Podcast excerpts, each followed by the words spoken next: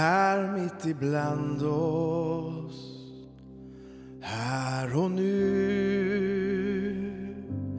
Jag söker dig. Det som mitt hjärta längtat efter kan få ro. För här mitt ibland oss vill du bo. Och kanske att du känner precis som jag att vi har suttit en bra stund så att vi kan väl eh, resa på oss. Och så ska vi läsa ordet som ligger till grund för den här predikan idag och den hämtar vi ifrån Matteus evangeliets femte kapitel. Vi ska alltså röra oss i Jesu bergspredikan och vi läser ifrån vers 7 och fram till vers 16. Saliga är de barmhärtiga, för de ska få barmhärtighet. Saliga är de renhjärtade, för de ska se Gud. Saliga är de som skapar frid, för de ska kallas Guds barn. Saliga är de som blir förföljda för rättfärdighetens skull, för de tillhör himmelriket. Saliga är ni när människor hånar och förföljer er och ljuger och säger allt möjligt ont om er för min skull. Gläd er och jubla, för er lön är stor i himlen. På samma sätt förföljde man profeterna före er.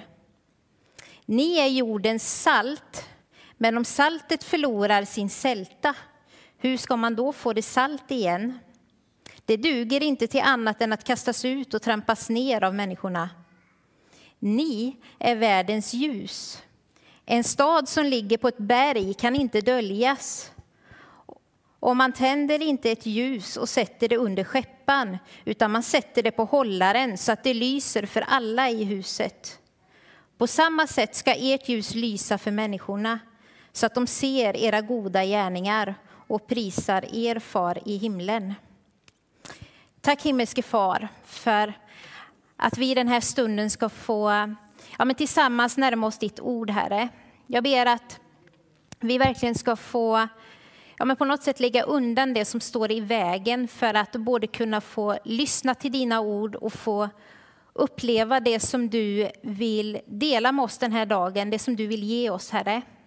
Jag ber att när vi lämnar den här gudstjänsten idag så är det inte Helens ord vi kommer att komma ihåg, eh, att det är det som jag säger i min egen kraft, utan jag ber att det som vi tar med oss från den här dagen, att det ska vara ord som är ifrån dig, Herre. Tack för att du är här och tack för den här stunden. I Jesu namn. Amen. Varsågoda och sitt ner.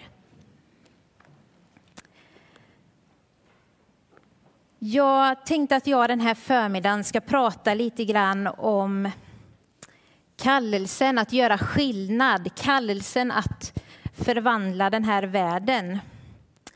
Och det vi läste precis här ifrån Bergspredikaren ifrån Matteus 5 är det som kommer att ligga till grunden för det som jag tillsammans med dig ska titta närmare på den här förmiddagen. Och vi gick ju in i den här texten och läste de fyra sista stegen i saligprisningarna. Det som handlar om hur du och jag ska vara mot våra medmänniskor. Hur vi som en Jesu lärjunge behandlar vår omgivning. Och de fyra föregående saligprisningarna de handlar om vår relation till Gud. Om Gud som vi tror på och Jesus som vi vill följa. Och eh, jag tänker att de här saligprisningarna de sammanfattar väldigt bra det budet som Jesus säger är det allra största budet, nämligen du ska älska Herren din Gud av hela ditt hjärta och av hela din själ och av hela ditt förstånd. Det är det största och det första budet, alltså de fyra första saligprisningarna om din och min relation till Gud. Sedan så kommer det ett bud som liknar det budet som lyder du ska älska din nästa som dig själv. På dessa två bud hänger hela lagen och profeterna. Och eh, vi ska ta och titta lite närmare på de här fyra stegen i saligprisningarna. Och vi inledde ju här med vers 7 där Jesus uttryckte det saliga är de barmhärtiga. Och jag tänker att en naturlig reaktion hos oss människor om eller när vi utsätts för att bli bedragna, när vi blir sårade, när människor i vår omgivning behandlar oss illa. Det är oftast att man på något sätt vill få ge de här människorna vad man tycker att de förtjänar. Eh, att vi ibland känner att vi eh, inte riktigt kan hantera det som Jesus vill uttrycka för oss den här dagen, nämligen att vi ska förlåta. Och förlåtelsen är ju någonting som är oerhört relevant. Det är ju eh, det som egentligen ligger till grund för hela budskapet om Jesus, att var och en av oss är förlåtna och därför så ska vi förlåta de människor som gör oss illa. Och jag tror att när vi visar barmhärtighet mot människor, då visar vi också att vi har förstått att vi är förlåtna och att vårt sätt att bevisa det, det handlar om att vi är barmhärtiga mot människor. Går vi vidare då i saligprisningarna eh, och går vidare till vers 8, då säger Jesus att saliga är de renhjärtade. Och ordet ren, när vi slår upp det, då får vi fram att ren är att vara oblandad, att vara oförfalskad och att vara utan tillsats. Jesus han lyfter fram i det här sammanhanget att han är intresserad av våra hjärtan, av vår inre motivation. Och därför så vill jag understryka att vi ska eftersträva integritet, att vi ska eftersträva att leva med en öppenhet och en uppriktighet och en äkthet i alla våra relationer. Givetvis i första hand relationen till Gud, men också till människor i vår omgivning.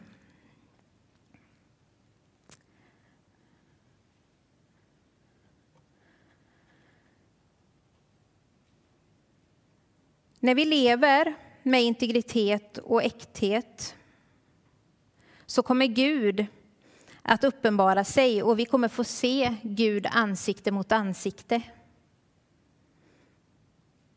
Och de barmhärtiga, de har ingenting alls emot sina bröder och sina systrar. Och de renhjärtade, alltså vi, vi tillåter andra att se oss sådana som vi är. Går vi vidare sen då till vers 9 så läste vi att saliga är de som håller fred. Och eh, jag tror att det räcker att vi bara tar oss en titt runt omkring oss eh, i samhället, att vi eh, tittar på nyheterna eller att vi läser en tidning så ser vi ganska snabbt att det finns jättemånga som inte lever i frid eller fred.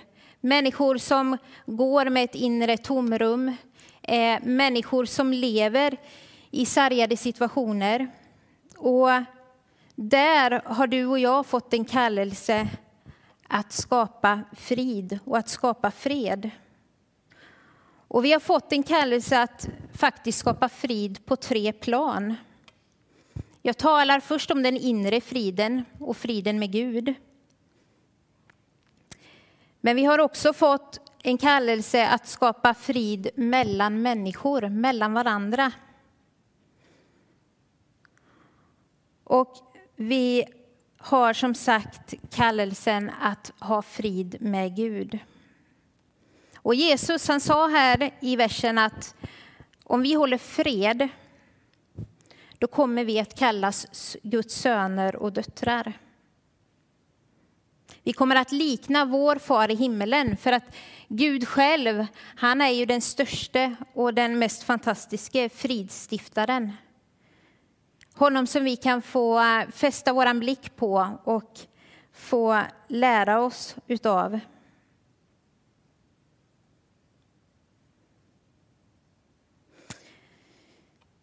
Vi är kallade att visa människor vägen till Gud. Och det gör vi ju genom att vi delar evangeliet om Jesus. I Andra Korintierbrevet kapitel 5 och vers 20 där står det att vi är sändebud för Kristus. Eh, vi har det uppdraget att förmedla frid och att förmedla Jesus till vår omgivning. Vi är också kallade att skapa fred mellan människor. Och jag tänker att det kan innebära att vi ska föra samman människor, människor som lever i konflikt. Det kan vara människor vi har i vår omgivning, eh, där relationer är trasiga. Där kan du och jag på olika sätt få vara med och stifta fred. Att föra människor till varandra för att på nytt skapa god kontakt med varandra. Men jag tänker också att det här att skapa fred mellan människor, det kan också innebära för oss att vi ibland behöver ta tag i det som är konflikter, det som skapar ofrid. Eh, när vi inte är överens, när vi tänker och tycker olika kring saker, när vi tycker att människor är för obekväma och det här skapar oro, då är vi faktiskt kallade att även där skapa frid. Och jag tänker att något som vi behöver eftersträva, var och en av oss, det är frid i våra familjer, i våra äktenskap. Vi har möjligheten att få vara med att skapa frid bland våra grannar, i församlingen vi är med i. Vi kan få vara med och stifta fred mellan kyrkor och samfund. Vi är kallade att vara fredsstiftare. Jesus går sedan vidare då i sin undervisning och saligprisningarna. Och vi läser ifrån vers 10 igen. Saliga är de som förföljs för rättfärdighetens skull. De tillhör himmelriket.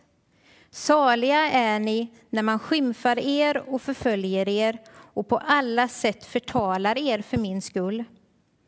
Gläd er och jubla för er lön, den kommer bli stor i himlen. På samma sätt förföljdes ju profeterna före er tid. Och den här rättfärdigheten som Jesus talar om här, den sammanfattar de sju föregående saligprisningarna som ni själva kan få läsa ifrån vers 3 till 9 i det femte kapitlet i Matteusevangeliet. Och Kanske är det så att vi många gånger kan tro att om vi lever det liv som Jesus förespråkar i sin predikan så kommer vi att bli allmänt omtyckta av människor. Jag menar, det är ju ändå någonstans fantastiskt att om vi kan, få, om vi kan hålla fred med människor, om vi kan eh, eh behandla människor eh, på rätt sätt, stå upp för det som är rätt och gott. Men så är ändå inte fallet alltid. Jesus han har aldrig gett några garantier alls egentligen för att det kristna livet ska vara enkelt att leva. Han har varken lovat oss att våra liv ska vara bekymmersfria, men han har heller inte lovat att vi kommer alltid att vara omtyckta av människor runt omkring oss. Istället så varnar Jesus oss och säger att vi ska vara på vår vakt om människor tänker allt för gott om oss. Och eh, jag tänker att här så lyfter också Jesus fram tre skäl för oss att känna glädje även om förföljelsen skulle komma. Och det första han säger är att vi ska känna glädje för att vår lön den kommer att bli stor i himlen den dagen när vi får möta Gud själv. Han säger också det att himmelriket tillhör dem. För det andra så menar Jesus att vår glädje den kommer att vara stor därför att vi då får möjligheten att identifiera oss med Jesus. Det är ju för hans skull som förföljelsen finns bland kristna. Och för det tredje är förföljelsen ett tecken på att din och min tro är äkta. Eftersom profeterna blev förföljda på samma sätt, de som levde före vår tid.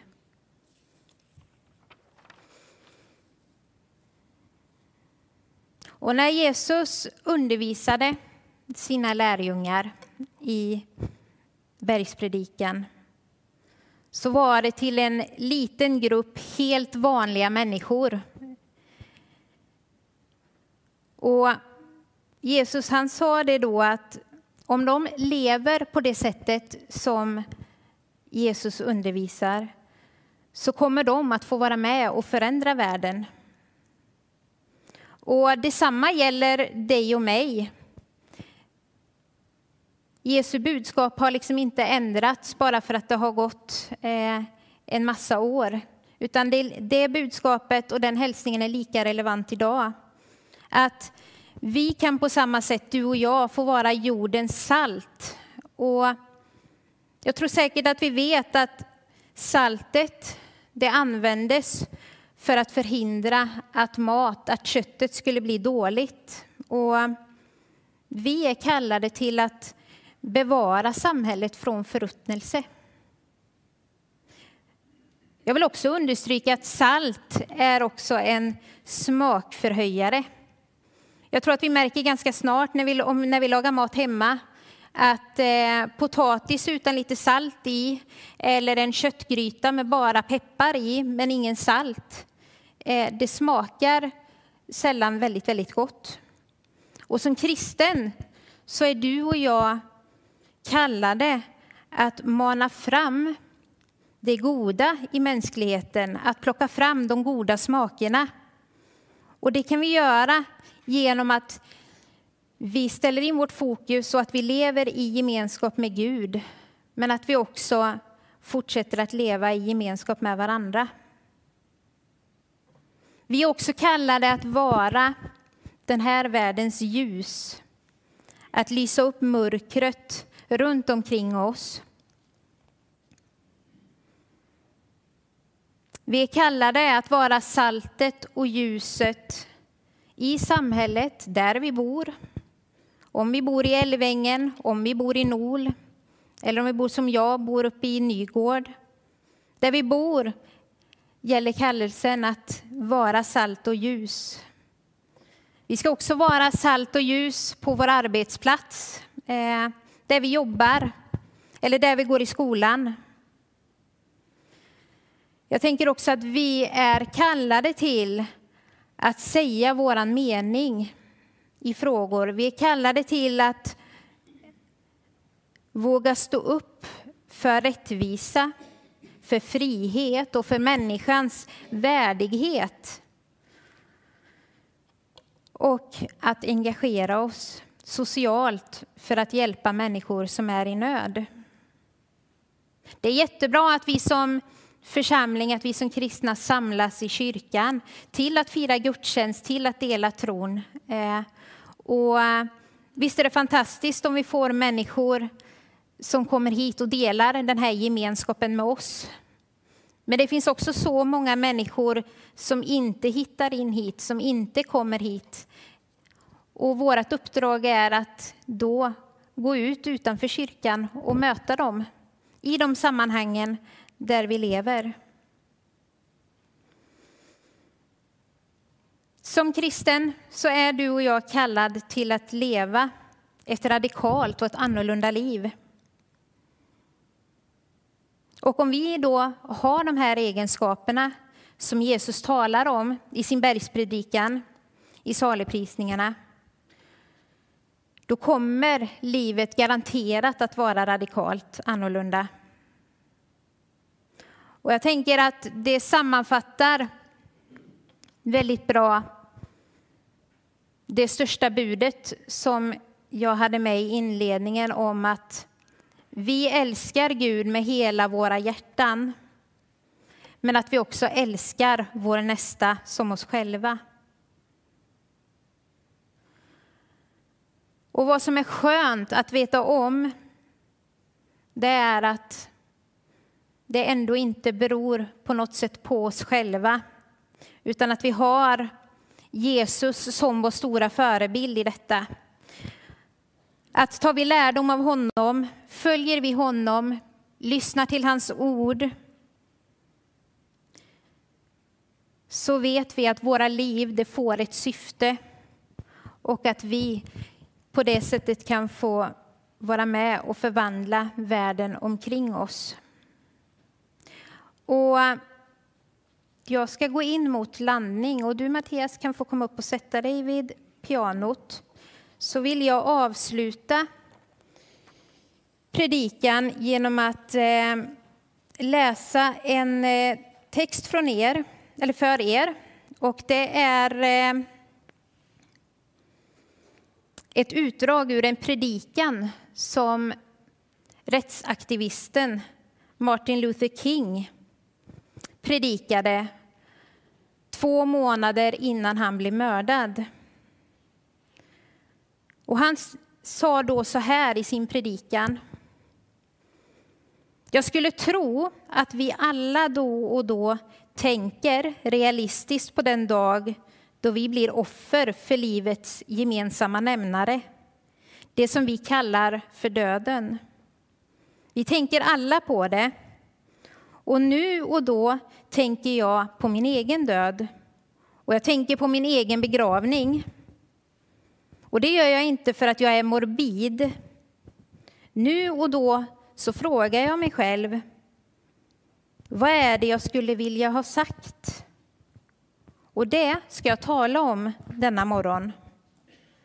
Om någon av er är där när det, när det är dags för mig så vill jag inte ha en lång begravning. Och om ni får någon att hålla ett griftetal så säg åt den personen att inte prata för länge. Emellanåt undrar jag vad jag vill att man ska säga. Säg åt dem att inte nämna att jag har fått Nobels fredspris. Det är inte viktigt. Säg åt dem att inte nämna att jag har tre eller 400 andra utmärkelser. Det är inte viktigt. Säg åt dem att inte tala om var jag gick i skolan. Jag skulle vilja att någon nämnde den dagen då Martin Luther King försökte ge sitt liv för att tjäna andra. Jag skulle vilja att någon skulle säga den dagen att Martin Luther King försökte älska någon. Jag vill att ni ska säga den dagen att jag försökte tänka rätt i krigsfrågan. Jag vill att ni ska kunna säga den dagen att jag försökte ge mat åt de hungriga. Och jag vill att ni ska kunna säga den dagen att jag i mitt liv försökte klä dem som var nakna. Jag vill att ni ska säga den dagen att jag i mitt liv försökte besöka dem, dem som satt i fängelse. Jag vill att ni ska säga att jag försökte älska och tjäna mänskligheten. Ja, om ni vill säga att jag slog på trumman, så säg att jag slog på trumman för rättvisan. Säg att jag slog på trumman för fred, att jag slog på trumman för rättfärdigheten. Och alla andra ytliga saker kommer inte att spela någon roll. Jag kommer inte ha några pengar att lämna efter mig. Jag kommer inte att ha några fina och lyxiga saker från detta livet att lämna efter mig. Jag vill bara lämna ett hängivet liv bakom mig. Och det är allt jag vill säga.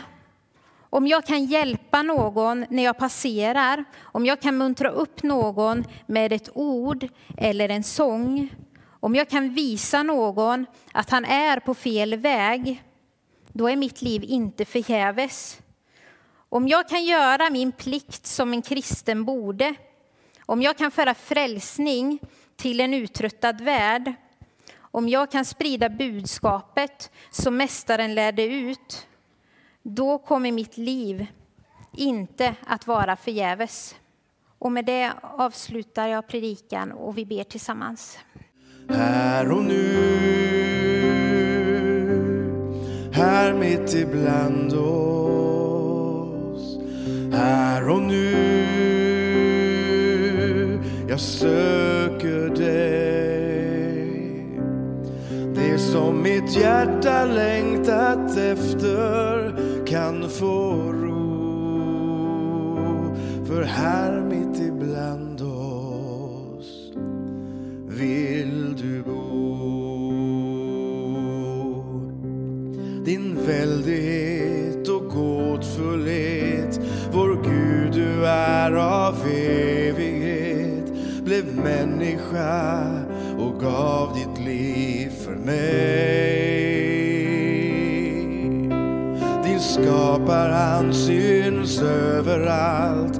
din ande i mig genom allt så stor och väldig, ändå nära mig. Här och nu, här mitt ibland oss. Här och nu, jag söker dig som mitt hjärta längtat efter kan få ro. För här mitt ibland oss vill du bo. Det finns inget rum